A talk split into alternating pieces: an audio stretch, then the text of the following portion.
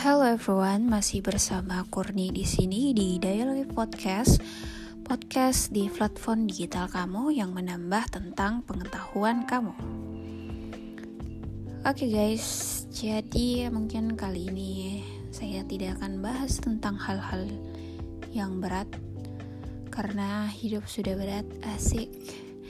Jadi saya akan membahas satu tema atau satu topik yang sebenarnya ini sudah menjadi topik yang banyak dibicarakan di sosial media yaitu quarter life crisis.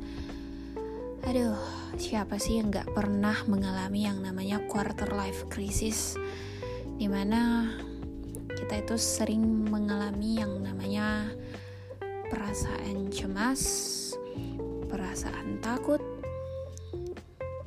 perasaan khawatir ya yang mungkin susah banget untuk keluar dari perasaan-perasaan tersebut.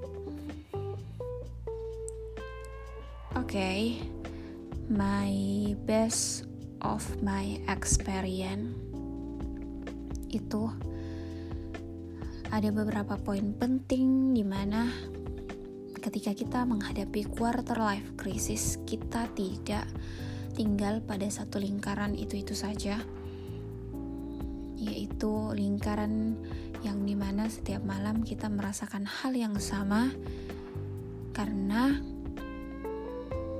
kita melakukan satu pergerakan atau kita tetap move ketika kita merasakan perasaan-perasaan itu sebagai manusia, tentu saja kita tidak pernah tahu seperti apa masa depan itu. So, dari ketidaktahuan kita akan masa depan itu, sebaiknya kita terus melakukan satu kegiatan bermanfaat setiap harinya, yang di mana itu bisa menambah skill kita skill dasar kita satu persen walaupun itu hanya mungkin ya 5 menit atau 10 menit lah dalam sehari. Itu yang selama ini saya lakukan. Walaupun kita masih dihantui dengan perasaan-perasaan tadi karena sedang berada di fase quarter life crisis dan itu sangat wajar guys. Karena memang manusia itu diciptakan bukan hanya dengan perasaan-perasaan bahagia tapi juga perasaan-perasaan seperti ke kekhawatiran, overthinking dan sebagainya. Terus hal selanjutnya yang perlu dilakukan ketika kita sedang berada di fase quarter life crisis adalah mencari tahu. Mencari tahu di sini adalah mencari tahu sebenarnya perasaan-perasaan kita yang ada itu datang karena apa sih? Apakah perasaan-perasaan itu ada karena di luar kontrol kita, out zona kontrol kita, atau di zona kontrol kita begitu?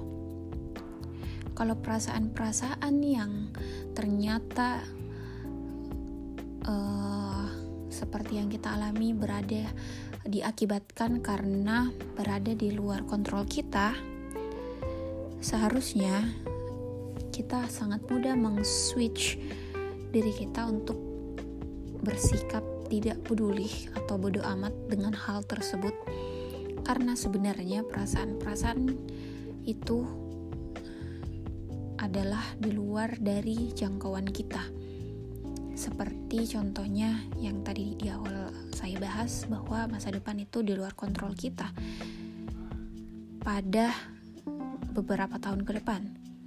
Dalam artian titik itu sebenarnya bukan kontrol kita. Titik kontrol kita adalah hari-hari di mana kita mempersiapkan untuk berada di titik itu. You know? You understand what I mean?